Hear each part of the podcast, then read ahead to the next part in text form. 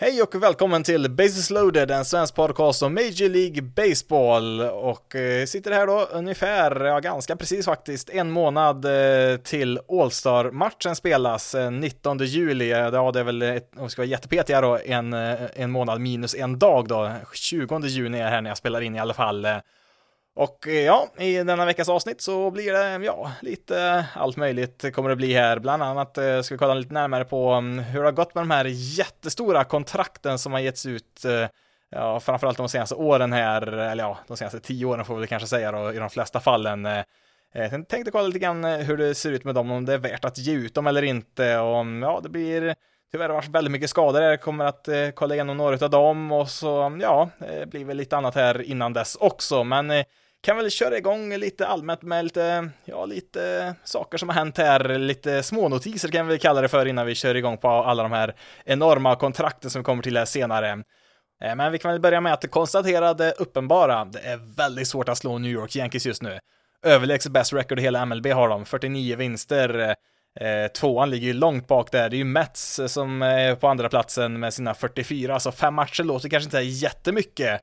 Men när det gäller vem som har bäst och näst bäst record i hela ligan så är det ganska stort kap man har där faktiskt. Eh, eh, skulle ju vara en intressant World Series att eh, ha Mets och Yankees, eh, tycker väl jag i alla fall. Sen är väl det kanske samtidigt den värsta mardrömmen för många andra, men ja, som en neutral åskådare så tror jag nog Mets och Yankees har varit en väldigt intressant World Series-batalj om det nu skulle bli så. Det är ju kanske de här två lagen som har imponerat mest så här långt i år, men det, det är ju långt kvar. Vi har inte ens spelat halva säsongen och det är väl alltid någon någon favorit som ska falla någonstans. Eh, sen om det är under grundspelet eller sen i slutspelet, eh, det får vi väl se, men eh, Ja, nu hade jag inte direkt tänkt att prata något mer om Yankees och Mets här, utan när jag kollar i tabellerna här under helgen så noterar jag faktiskt något lite intressant där att kollar man i National League då så har vi då som sagt Mets då har ju best record i den ligan, men kollar vi då på National Leagues andra, tredje och fjärde bästa record, då hittar vi Dodgers, Padres och Giants.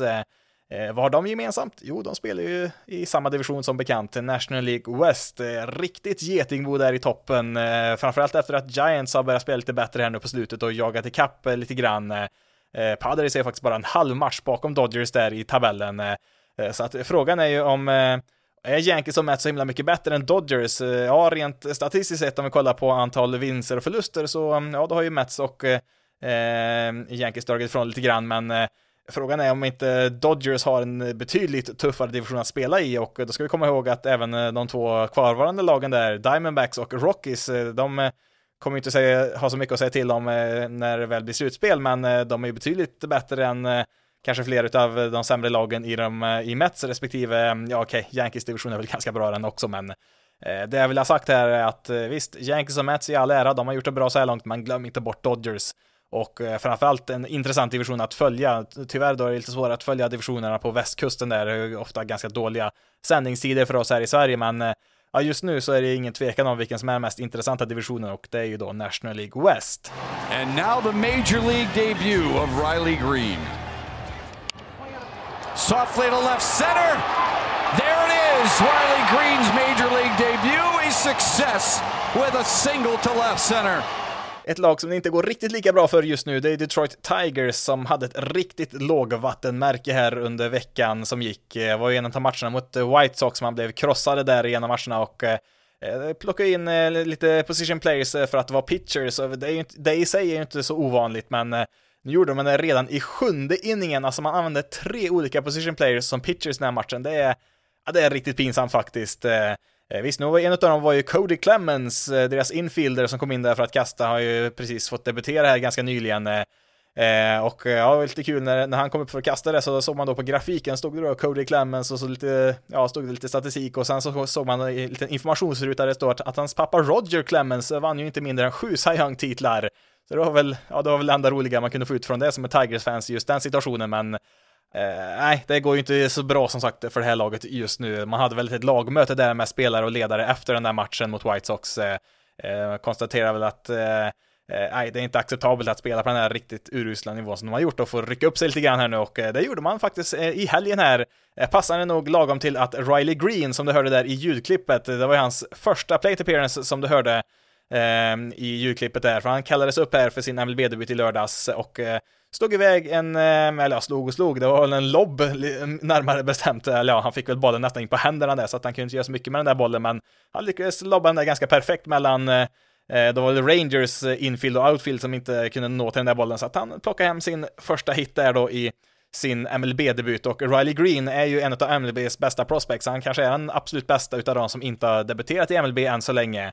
Eh, skulle väl kanske varit med på Tigers opening day roster där redan i april om det inte vore för att han eh, åkte väl på en fraktur där, jag tror han slog väl en boll på sig själv där som gjorde att hans säsong fick dra igång lite senare tyvärr då, men nu är han ju uppe här då och eh, ja, har haft två väldigt bra första matcher i alla fall. Han har gått två för fem med fyra walks eh, mot Rangers här och eh, inte nog med det, utan eh, Tigers krossar ju Rangers i de här matcherna, eller ja, i alla fall i första matchen gjorde man väl det, hade väl 14 runs i den där matchen. Det, det ser man inte ofta från det här laget som har varit så brutalt dåliga offensivt och sen har man väl sju runs där i nästa match så att eh, helt plötsligt så mm, släppte allt det här offensivt. Får väl hoppas att eh, för, för de skulle att eh, det, fortsätter. Det var för övrigt första gången i år som eh, Tigers producerade fem eller fler runs i två matcher i rad, vilket verkligen var på tiden här. Så att ja, sen Riley Green har kommit upp här så har det gått riktigt bra för Tigers. Visst, det är bara två matcher, men ja, i det här laget så får man ju ta det man får här och får väl hoppas han kan dra med sin nya rumskompis Spencer Torkelson som inte haft så jättebra debut än så länge, har väl slagit lite bättre på det här på slutet, men han har inte riktigt levt upp till sina förväntningar än och eh, de här två, eh, alltså Green och Torkelson var ju eh, även rumskompisar när de spelade tillsammans i minor leagues, så att förhoppningsvis så kan det väl ge en liten extra push då till just Torkelson då som de behöver få betydligt bättre produktion från framöver här. Ett par andra korta saker jag noterat här under veckan, bland annat Jermaine Mercedes har plockats från waivers av Giants då. Han var ju tidigare i White Sox och jag vet inte om ni kommer ihåg Mercedes, han var ju MLBs hetaste spelare de första typ två, tre veckorna på säsongen 2021. Eh, kan jämföras lite grann med som typ Steven Kwan var för Guardians här i början på den här säsongen. Eh, eh, skillnaden är ju att eh, Kwan är kvar i MLB, Mercedes, han, ja, han hade sina, ja, han hade sina veckor där det gick riktigt bra, sen gick det inte riktigt lika bra och var ganska snabbt ner i AAA där efter den där raketstarten och det var ju bland annat lite tjafs där när han stod en homerun där i, i fel läge, läge enligt de oskrivna reglerna då och det var väl Tony LaRusa som hade skällt ut honom där. Det är väl kanske inte så knepigt att säga att LaRusa står och skäller på någon, men det är väl eh, lite mer knepigt när det är ens egen manager som gör det. Eh, ja, det var en hel soppa allt, utav allt det där, men eh, ja, Mercedes eh, skickades ju ner i AAA till slut där förra året och ja, när, först när han gjorde det så eh, skickade han väl ut det på Instagram att han skulle gå i pension. Eh, han var väl inte på något bra ställe mentalt tror jag just då, men ja, han drog väl tillbaka det och fortsatte spela och eh, har faktiskt slagit ganska okej okay i AAA så här långt i år och eh, nu behövde väl White Sox lite plats på sin 40-man roster och eh, då blev han ju eh, designated for assignment, eh, kallas det då när man ska plockas av eh, en 40-man roster eller man ska helt enkelt ska släppas då. Eh, men då hamnar man på waverslistan där och där är man väl om det kanske är tre dagar och då får alla lagen, eh, alla övriga lagen då chansen att eh, säga att ah, nej men han skulle jag vilja ha i mitt lag faktiskt och går man efter en lista där och laget högst på listan som säger att de vill ha spelaren, ja de får den helt gratis här så hamnar den på deras 40 roster istället och ja, högst upp på listan, det var uppenbarligen Giants då som plockar honom där. Det är väl eh, intressant med tanke på att Giants eh, är väl ganska bra på att eh, plocka spelare som inte passar in på andra ställen och eh, sen göra dem till Eh, duktiga MLB-spelare. Får vi se hur det går i det här fallet. Eh, jag ska väl tillägga också att precis efter den här nyheten kom ut så släppte ju Mercedes ut en video, jag tror det var på hans Instagram eller något sånt där, där han, ja, jag vet inte om man ska beskriva det, han står väl och firar antingen att han ska tillhöra Giants eller att han lämnar White Sox, kanske både och, jag vet inte riktigt. Eh, hur som helst så står han där med, med en champagneflaska och häller väl i sig den där och skvätter lite grann runt omkring sig. Samtidigt som någon står och filmar, ja, en telefon i ena handen och i andra handen har en, en, eh, en vattenslang och så är det sprutar på, på Mercedes där av någon, av någon anledning där. Och eh, ja, kan väl säga så här, han står ju där och dansar utan tröja på och hans kroppsbyggnad Ja, vi har väl sett den förut, påminner väl lite grann om Prince Fielder eller kanske en Pablo Sandoval. Han lär väl inte kanske hota om någon olympisk medalj på 100 meter löpning direkt så, men eh, eh, ja, det, vill man se, bevittna det här med sina egna ögon så är det väl bara att söka på Jermaine Mercedes eh, och jag vet inte vad man ska följa efter med det, eh, någon typ av firande där, men ja, den lär väl finnas på eh, lite här och var, men eh, ja, Jermaine Mercedes numera tillhör Giant organisation. En spelare som skickas ner till AAA i år, det är ju Clint Frazier som numera tillhör Cubs. Han är ju tidigare top prospect som, eh, ja, det har väl inte gått riktigt som tänkt där med honom. Han eh, han draftades väl bland de första spelarna i draften 2013 tror jag det var där. Eh, sen så har det som sagt inte gått riktigt som planerat. Det var ju Guardians då som draftade honom då och sen skickades han till Yankees i Andrew Miller-traden där för, ja det blir ett antal år sedan nu, det måste vara 2016 där ja, när Eh, Guardians tog in Miller där och eh, de gick ju hela vägen till en World Series där när de fick stryk mot Cubs till slut, eh, men ja, kan väl säga att Guardians gjorde väl, gjorde väl bättre ifrån sig i den traden, eller ja, nu var väl kanske fler spelare inblandade där, men av Miller och Frazier så är det klart att Andrew Miller hade betydligt större inverkan på, på, på sitt lag då efter den här traden. Eh, men samtidigt eh, när den här traden eh, genomfördes så kommer vi väl ihåg att man var väl ändå ganska nöjda med från Yankees sida att åh, här får vi ändå ett ganska bra prospect här, Clint Frazier som rankades ganska högt då.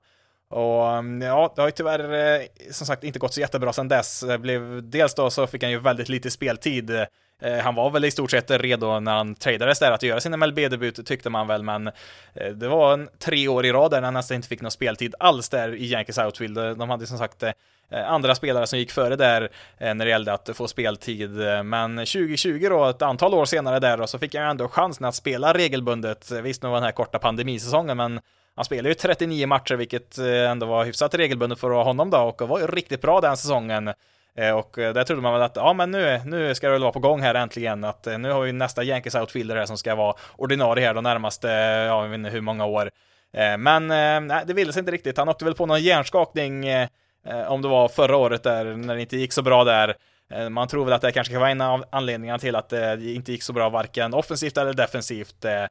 Och till slut då så blev det väl för mycket här, ja, ska vi tillägga att han var väl inte direkt älskad utav Yankees-publiken så, alltså de var ju glada när de fick honom, men sen Ja, han gjorde sig själv inga tjänster direkt i vissa intervjuer så sa han väl kanske inte riktigt rätt saker och eh, han eh, uppträdde väl kanske inte alltid riktigt på det sättet man, som man skulle kunna önska och eh, sen är det väl så här när man spelar i Yankees så brukar väl sådana här saker eh, förstoras upp eh, ganska rejält. Det är ett annat rampljus eh, just i New York och när det gäller just Yankees kan tyckas orättvist, men eh, så, så är det faktiskt ibland att man, man brukar säga så här, ja men eh, klarar den här spelaren verkligen av att eh, spela i New York? Eh, kommer han klara av den pressen?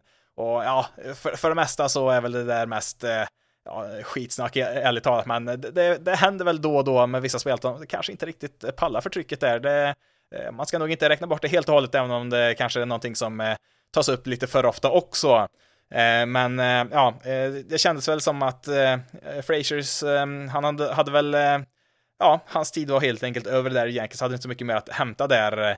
Och eh, fick vi en nystart här med Cubs och har väl spelat lite grann i år. Har väl inte varit eh, urusel, men har inte varit bra heller. Och eh, passande nog då, eller kanske opassande beroende på vem man frågar då, så kom ju just den här nyheten när Cubs var i New York för att spela mot Yankees.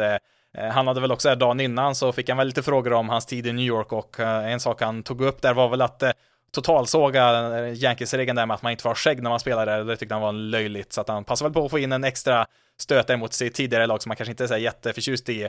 Och just då, av alla tillfällen, så kom just den här nyheten att han skickas ner. Eller ja, det var väl inte, tekniskt sett så skickades han inte ner först, utan han blev ju då som eh, som Mercedes då, eh, designated for assignment, så att eh, vilket annat lag som helst i MLB hade kunnat få plocka Frazier gratis om man hade velat, men eh, det kanske säger en del om hur, hur, ja, vad de andra lagen tycker om honom för att inte ett enda lag valde att plocka honom eh, helt gratis då, utan han gick igenom waivers och eh, skickades därför ner till AAA, så att eh, nej, eh, Frasers karriär har ju inte gått som planerat. Det finns väl fortfarande tid att vända på det, men det har ju gått ganska lång tid nu, så att frågan är om det finns en Eh, del två i karriären här där han vänder på den här negativa trenden eller inte. Howard threat off the bench for Cardinals and there's a fly ball back in the deep right center field. Lorenzo Kane at the wall! Lorenzo Kane to end the game! Not today, says Lowe. Not today. Unbelievable. It didn't take long, did it? Didn't take long, game one. He saves the game. Lorenzo Kane har kanske rånat sin sista homerun i karriären. Eh, han blev ju designated for assignment här utav eh, Milwaukee Brewers eh, här under helgen. Ljudet där var från opening day 2019. Han plockade ner en boll där som hade kvitterat matchen i nionde, men Eh, Kane, han sa nej och tog eh, hem den där bollen och avgjorde matchen och eh, det gjorde han ju många andra gånger också under sin karriär. Nu ska vi säga så här att det är inte officiellt att han ska pensionera sig än, men det är väl ganska troligt. Han gick ju faktiskt i 17 rundan gick han först i draften 2004 var det Brewers ju som valde honom. Och hans väg till MLB var ju ganska otippad egentligen, alltså han var väl egentligen en basketspelare i sina ungdomsår och var väl först på high school som han ens började spela baseball, alltså väldigt sent Eh, och lägg där till att han, han spelade ju aldrig på college, utan han draftades från high school, så han spelade ju bara baseball i några enstaka år och sen så gick han i MLB-draften, så att eh, det är ingen dålig atlet vi pratar om här. Eh, visst, 17 rundan, det, ja, det är ju en bit bak i draften, det är det såklart, men det är ju ändå väldigt imponerande för en, för en spelare som bara spelat sporten i några år. Och sen att förvandla det till en 13 säsonger lång MLB-karriär där man tjänar 100 miljoner dollar, ja, det Ja, det är starkt eh, och han är ju World Series-mästare också med Royals 2015 vann han ju där och hade väl ett par fina stunder där även han eh, i den resan där. Eh, men ja, han är väl främst känd för just sin defensiv, blandad offensiv. Han är väl sett till, till stora hela, hela hans karriär så har han väl slagit ungefär på en genomsnittlig nivå, men det är ju främst hans defensiv som han kommer bli ihågkommen för och sen visst, han var ganska snabb också, hade väl ja, en eh, 25-30 stolen bases hade han ju flera säsonger under karriären. Eh, framförallt så var han ju riktigt bra 2015 det här året när han vann en World Series där med Royals. Eh, även första året när han kom tillbaka till Brewers igen, 2018 var han riktigt bra. Han Hade en own base percentage på nästan 400 där. Det är ganska bra för en spelare som är mest känd för sin defensiv. Hade 6,1 war både 2015 och 2018 och jag tror väl 2015 där så fick han väl ganska mycket MVP-röster också. Eh, sett till karriären då, 30 war, det är väldigt bra. Räcker ju inte riktigt till en Hall of Fame-plats, gör det inte. Då behöver man väl kanske vara upp, eh, ja, runt 45 brukar väl eh, de spelarna hamna någonstans. Sen är inte det någon eh, helig gräns man måste nå upp till, men eh, riktigt en Hall of Famer är väl inte Lawrence och Kane.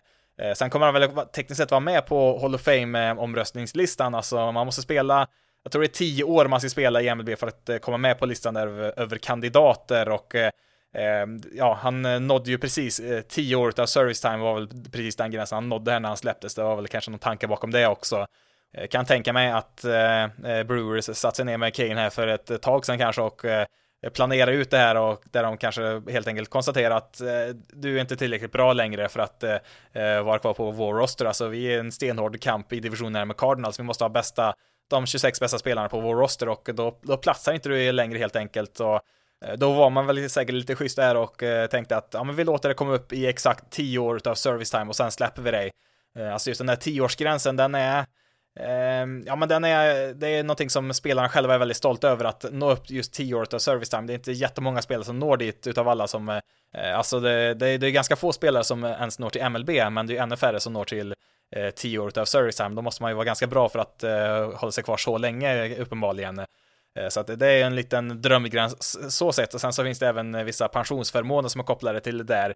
Eh, sen, nu tar inte Lorenzo Kane eh, kanske behöver en pension nödvändigtvis. Han har ju som sagt tjänat 100 miljoner dollar i karriären. Sen vet ju inte vad han har spenderat dem på, men eh, det är väl kanske lite mer eh, för eh, spelare som tjänat lite mindre i karriären så kan väl det vara en ganska stor bonus att få där. Sen ska jag tillägga att det finns ju pensionssystem även för de som spelar mindre än 10 år också, men just när man når 10 år utav service time så höjs den där eh, finansiella kompensationen ganska rejält också, ska man tillägga. Eh, som sagt, det, det är väl inte officiellt att han går i pensionen, men eh, mycket talar väl för det. Jag vet inte om det finns något lag som kanske är intresserad utav honom.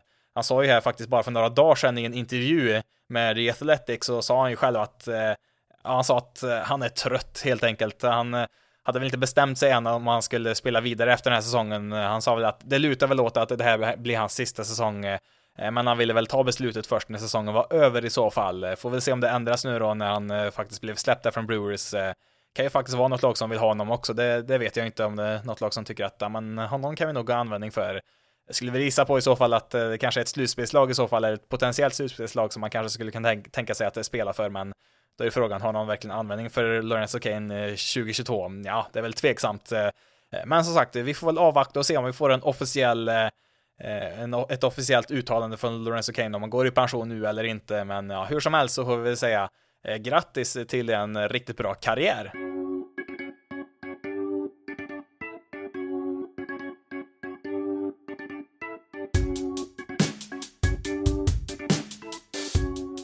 2019 var ju ett bra år för Nationals, World Series-mästare, men eh, när säsongen var slut ställdes man inför ett val. Ska vi behålla Anthony Rendon eller Steven Strasberg som satt på utgående kontrakt? Två slutspelshjältar som varit eh, nyckelspelare eh, för att ta hem den här titeln och inte helt oväntat så blir ju som han faktiskt valde här, det är väl på något sätt hans lag, han har varit där längre och ja, han var väl han var väl mer ansiktet utåt än vad kanske Rendon var, inte för att eh, Rendon var liksom någon doldis eh, som inte var omtyckt eller något sånt där, men eh, Strasberg var väl det naturliga valet här mellan de här två i alla fall.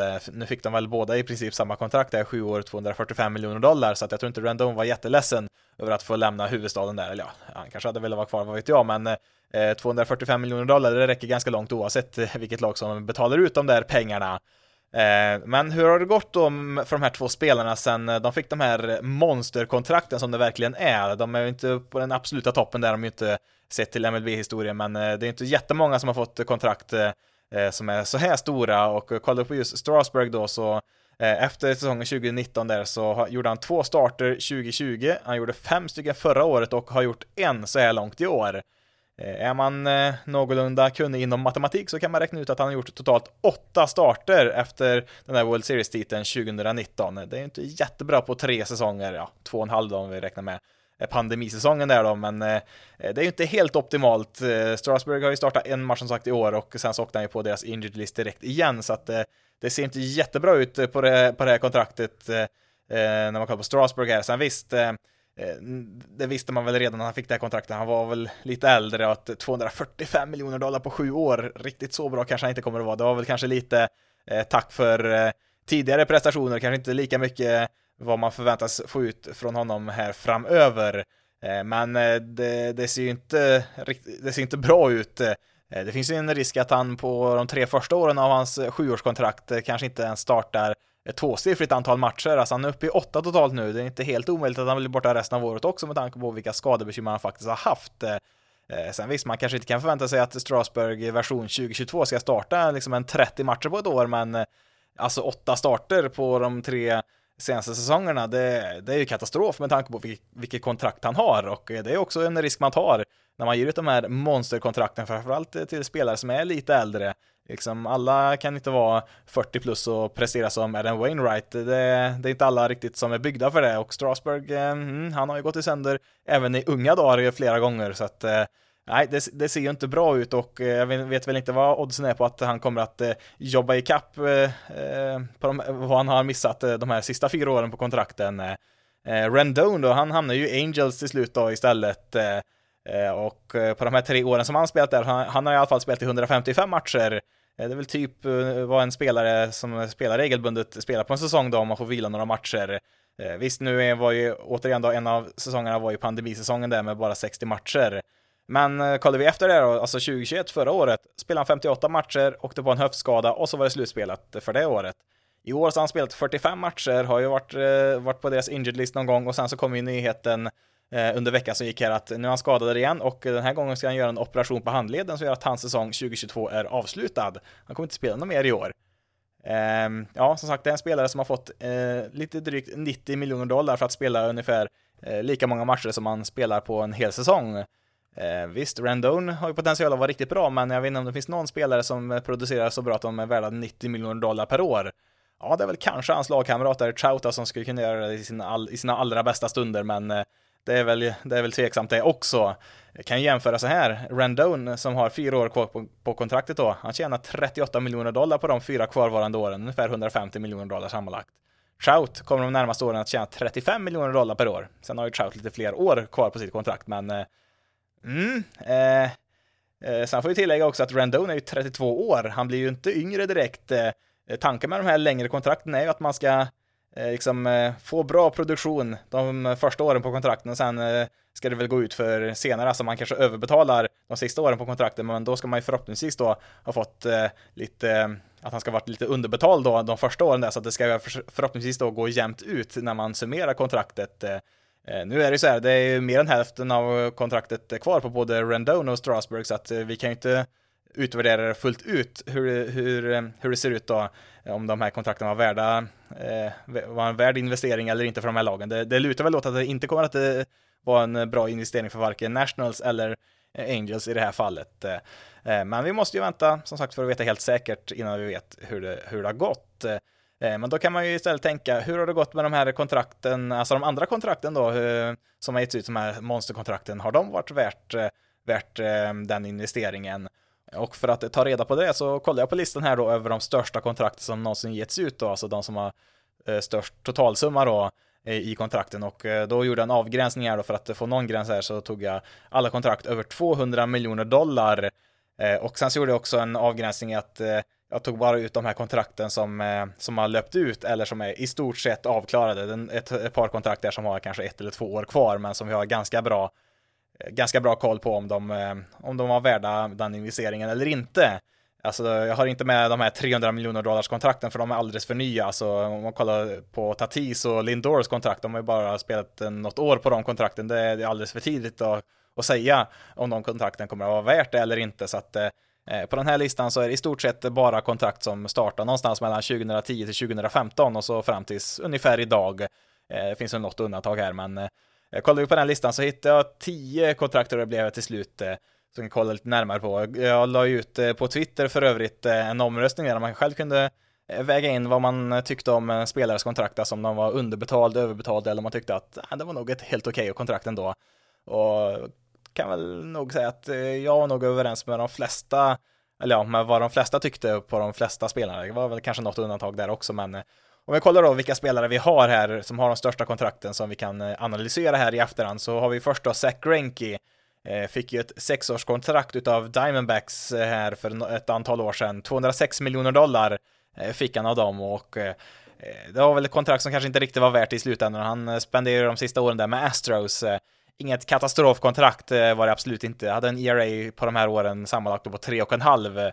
Kanske inte riktigt vad man hade hoppats på från början där. Jag tycker väl inte att Eh, alltså det var väl kanske, kanske inte fel att ge det här kontraktet, visst lite mycket pengar kanske det var men eh, ja, på det stora hela skulle jag säga att eh, kontraktet inte var värt det men återigen ingen katastrof så på något sätt. Sen visst, Diamondbacks är ett lag som inte har så mycket pengar att spendera så att de hade väl kanske kunnat eh, allokera den summan pengar lite bättre än på bara Grenke då.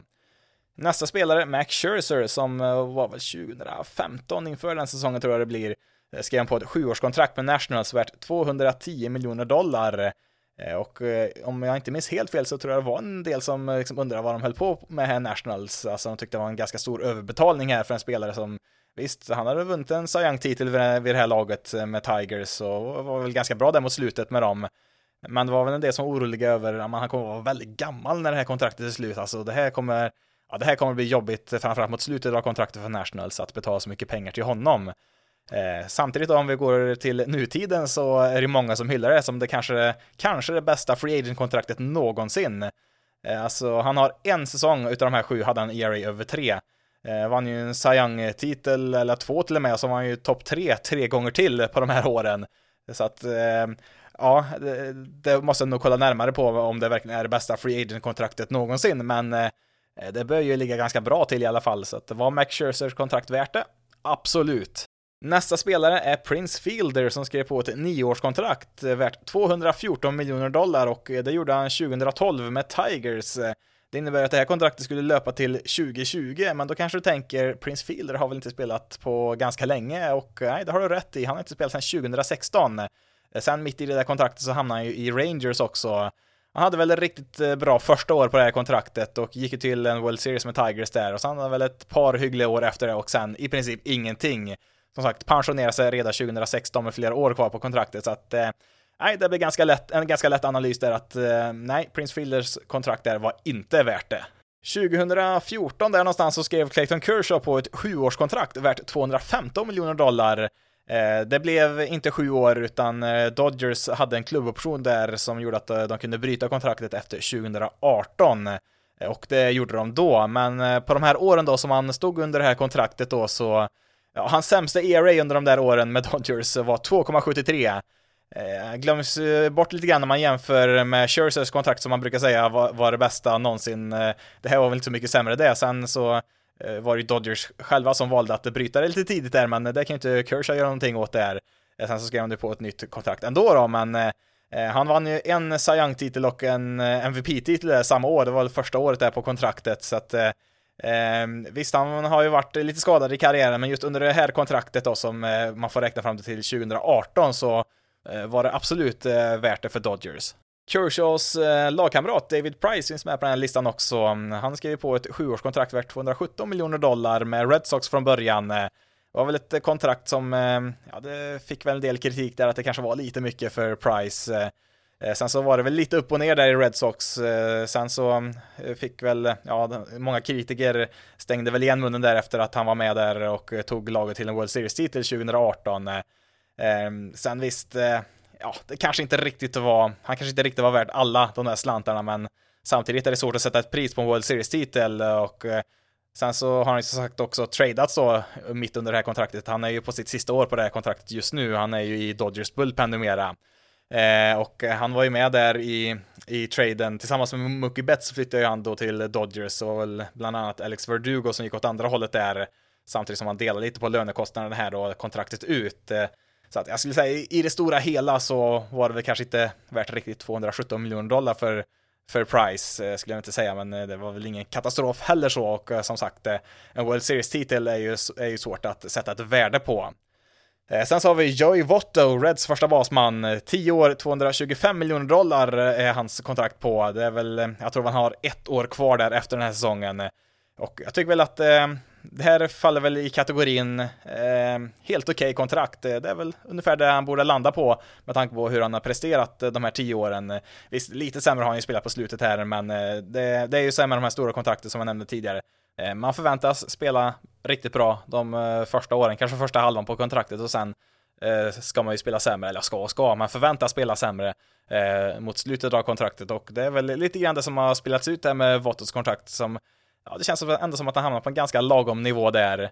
Samtidigt så är det ju svårt att sätta värde på en ikon som Votto är för det här Reds-laget som har varit så dåliga i många år utav det här kontraktet. Alltså, hur dåligt det än har sett ut på planen så har ju Reds-publiken eh, i alla fall kunnat veta om att ja, men vi, har, vi har ju Joey Votto att titta på i alla fall. Som liksom, han har varit eh, en av få positiva aspekter med det här laget i många år här nu under det här kontraktet. Eh, sen så har han ju kommit topp tre i MVP-omröstningen två gånger under det här kontraktet. Kanske kan han argumentera för att han borde ha vunnit en av de där också, så att Ja, nej men jag tycker att det där var en helt okej okay deal från Reds sida, 10 år, 225 miljoner dollar för Votto. Då har vi kvar kanske de tre bästa slagmännen på hela 2000-talet här. Ja, en spelar väl lite på 90-talet också, men eh, vi börjar med Albert Pujols. Eh, han fick ju utav Angels ett 10-årskontrakt värt 240 miljoner dollar. Och eh, ja, det tror jag de flesta har ganska bra koll på att det gick ju inte sådär jättebra. Kanske ett av de sämre långtidskontrakten som har skrivits så här långt i alla fall. Eh, han spelade faktiskt ganska bra första året med Angels där. Sen hade han väl fyra okej okay säsonger, men eh, är man bland de bäst betalda i, i MLB då ska man inte, eller då ska man spela mer än okej. Okay. Och sen efter, ja, andra halvan på kontraktet har det bara varit utför. Alltså de har varit i slutspel en gång under det här kontraktet Angels. Eh, och den gången de var där så förlorade de alla matcher dessutom. Eh, nej, det, det, fanns i princip inget positivt med det här kontraktet nästan. Eller ja, det finns väl de som argumenterar för att Pujols kanske fanns med där och var en, som en mentor för Mike Trout, men ja, med tanke på hur bra Mike Trout var från eh, nästan dag ett så vet jag inte om han behövde Pujols för att eh, bli riktigt så bra, men ja, det, det är svårt att sitta här vid sidlinjen och, och, och, säga om det stämmer eller inte. Eh, alltså, han var ju 31 när han fick det här kontraktet. Mm, ett tioårskontrakt alltså, så att nej, det, det här var inte ett bra kontrakt. Eh, det såg väl inte så mycket bättre ut för Miguel Cabrera. Han fick ju ett åttaårskontrakt där, det var 2016, när han var 33 år. Eh, värt 248 miljoner dollar. Eh, tekniskt sett har han väl på alla de där åren spelat marginellt bättre än Pujols. Det, ja, det är sagt, det är väldigt marginellt med någon enstaka procent i så fall, så att det, de är väl jämförbara med varandra. Eh, Cabrera hade väl egentligen bara ett riktigt bra år på det här kontraktet. Eh, sen har han väl visserligen varit lite jämnare än vad Pujols var på slutet av sitt kontrakt. Alltså Pujols var ju riktigt bedrövlig de sista åren med Angels. Eh, Cabrera har i alla fall presterat ja, någorlunda respektabla siffror för en MLB-spelare. Inte för en spelare som tjänar 30 miljoner dollar per år, absolut inte, men det är ändå siffror som eh, gör att man platsar på en MLB-roster i alla fall. Men eh, ja, man förväntar sig lite mer av eh, en spelare med det kontraktet. Eh, eh, han har väl kontrakt även nästa år med Tigers. Ja, sen kan det bli så här också, han har väl någon option där som säger att blir han, kommer han med i topp 10 i MVP-omröstningen efter säsongen 2023, då får han en kontrakt även för 2024. Det finns väl en liknande sak där även för 2025. Det är väl ganska otroligt att han kommer att finnas med i topp 10 MVP-omröstningen efter nästa säsong, så att jag tror inte vi behöver oroa oss för det. Eh, men nej, det här, varken Pujols eller, eh, Cabreras eh, sista kontrakt här har ju varit speciellt bra. Då har vi två kontrakt kvar att kolla på här, men bara en spelare. Det är nämligen så att Alex Rodriguez har lyckats få ihop två stycken kontrakt värt över 200 miljoner dollar, ja, två stycken värt över 250 miljoner dollar till och med. Han var väl i, i princip tio år före sin tid där. 2001 skrev han på ett tioårskontrakt med Rangers värt 252 miljoner dollar. En sjuk stor Eh, summa pengar eh, på den tiden. Ja, det är det idag också såklart, men tänk er eh, för 20 år sedan alltså. Det, ja, det var en chock när det här kontraktet offentliggjordes, att han skulle kunna få så här extremt mycket pengar. Det, Alltså visst, han var väl kanske ligans bästa spelare och man förväntade sig kanske att han skulle slå rekordet, men ja, nu vet jag inte vad rekordet var innan, men han krossade ju fullständigt. Sen skulle det väl visa sig att Rangers kanske inte riktigt hade råd att ge så mycket pengar till en och samma spelare.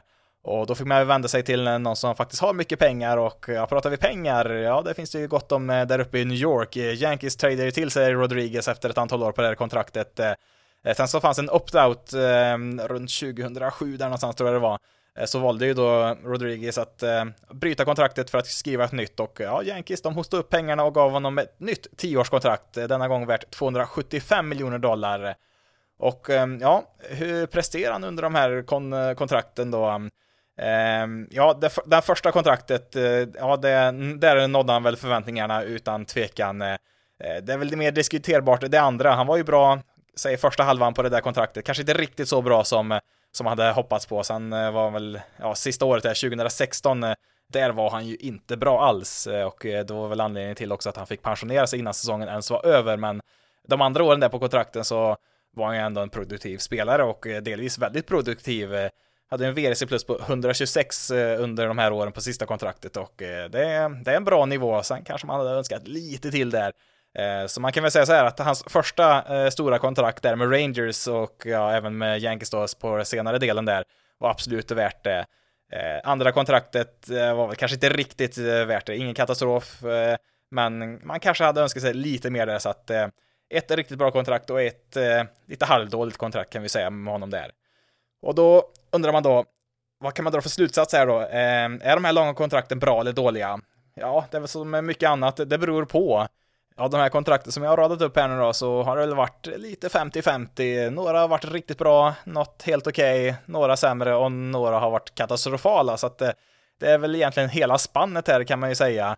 Eh, sen eh, kan vi, om vi kollar tillbaka till eh, Steven Strasberg så ja, jag tror det finns en viss risk att det här kan vara ett av de sämsta kontrakten någonsin om man inte får ordning på sin hälsa.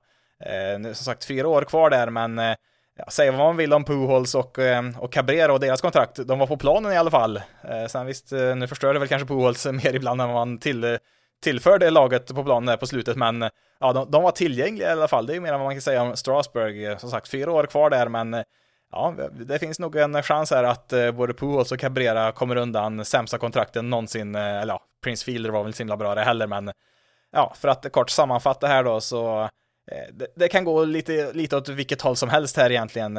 Visst, det var väl ett par kontrakt, framförallt Miguel Cabreras visste man väl redan när det skrevs att det här kommer ju inte att bli bra. Han var som sagt 33 år och får ett åttaårskontrakt. Eh, Eh, ja, det var väl Mike Illich vill ha en World Series-titel. Det var väl ett sista desperat försök från en riktigt gammal Tigers-ägare att eh, få den där efterlängtade titeln som han jagat sen, ja, han har väl ägt laget sen om det är 90-talet han försökte eh, få en titel till sitt Tigers och spendera hutlösa summor pengar som man kanske inte egentligen har råd med i Tigers mediamarknad, men man får ge, ge det till honom där, Mr. Illich. Han försökte i alla fall. Nu gick ju han bort där tyvärr för några år sedan, så att han fick aldrig se sin World Series-titel, men ja, det, det blev inte så himla bra i slutändan då med facit i hand. Eh, men kort sammanfattat då, är det bra att skriva långa, dyra kontrakt? Eh, ja, ibland är det bra, ibland är det dåligt. Eh, vi har ju många långa kontrakt som pågår just nu då, så det blir intressant kanske att eh, jag följer upp det här med dagens stora kontrakt eh, som visserligen tar slut om ja, 8-10 år. Det kommer väl dröja innan man kan analysera dem, så vi får väl vänta ett tag och se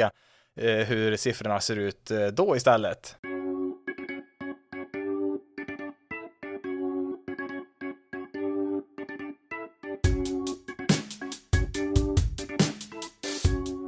Tyvärr ser jag att tiden rinner iväg här, jag måste börja avrunda inspelningen här ganska snart. Jag hade tänkt att eh, eh, uppdatera lite grann. Eh, det har varit väldigt mycket skador här nu, inte bara Rendon som blivit skadad här under veckan. Mookie Betts har ju en fraktur i revbenet och Albis borta ja, till september med också någon fraktur och Jeremy Payne, en favorit till årets rookie, eh, borta med, ja det är något fel med tummen där och Tatis får vänta längre än väntat på att komma tillbaka, har inte läkt så bra som man hoppats och ja, Liam Hendricks i White Sox där, även han, eh, deras closer där, eh, borta några veckor och White Sox framförallt, eh, hjälp av skador de har haft. Kanske inte så knepigt att det har gått ganska tungt för dem här under året, men ja, så mycket mer än så hinner jag inte med här. Det jag vill påminna om innan vi avslutar avsnittet här, det är att eh, jag har två veckans matcher den här veckan. Det är nämligen så här att eh, på onsdag här den 22 så har vi två matcher som startar klockan åtta svensk tid här på kvällen. Mets möter Astros och Blue Jays mot White Sox. Eh, Blue Jays White Sox visas även på Viaplay. Eh, Mets Astros får man kolla på på MLB TV och då tänkte jag att ja, men det är ju två ganska intressanta möten så vi kan väl göra någon sammanslagning här eftersom de startar samtidigt och eh, ha ja, två huvudmatcher där man kan följa i Discord-chatten där. Vi har varit några stycken eh, per gång här så att eh, Eh, ni är jätteväl jättevälkomna att eh, trilla, trilla in där ni också om ni känner för det och har möjlighet då. Eh, och eh, inbjudan till Discorden lägger jag i, i beskrivningen på detta avsnitt. Eh, aldrig fel med lite skönt MLB-snack så här på en onsdag kväll och eh, det går även att delta via text om man vill det också. Så att titta gärna in där om ni har möjlighet och det går jättebra att komma in lite senare också under kvällen. Vi har väl hållit på ungefär till runt 11-tiden vid de här veckans matcher så att Eh, hoppas att ni har möjlighet att eh, komma förbi en, en kort sväng i alla fall om ni inte kan vara med hela, hela tiden där. Men nu har jag pratat tillräckligt för idag. Mitt namn är Jonathan Fabri. Tack så jättemycket för att du har valt att lyssna på detta avsnitt av Basis loaded. Ni får ha det så bra där ute, så hörs vi i nästa veckas avsnitt. Men innan dess, jag måste ju ta med veckans bästa också såklart. Eh, eh, Mike Trout eh, tycker väl att eh, Aaron Judge har fått lite för mycket uppmärksamhet och tänkte väl att hallå, ni har väl inte glömt bort mig? Det är fortfarande jag som är bäst i världen på baseball. Och ehm, ja, det är svårt att säga emot det här när man såg vad han gjorde mot ehm, Seattle Mariners här under helgen. En serie på fem matcher mellan Angels och Mariners. Fyra första matcherna, Trout, fyra homeruns. Vi lämnar denna veckas avsnitt med att lyssna in på match 5, Trout mot Mariners. Pitch number 9. Trout's ready for the heater this time. High and deep to right center field, and he did it again! One too many fastballs, Cha-Cha! Gotcha!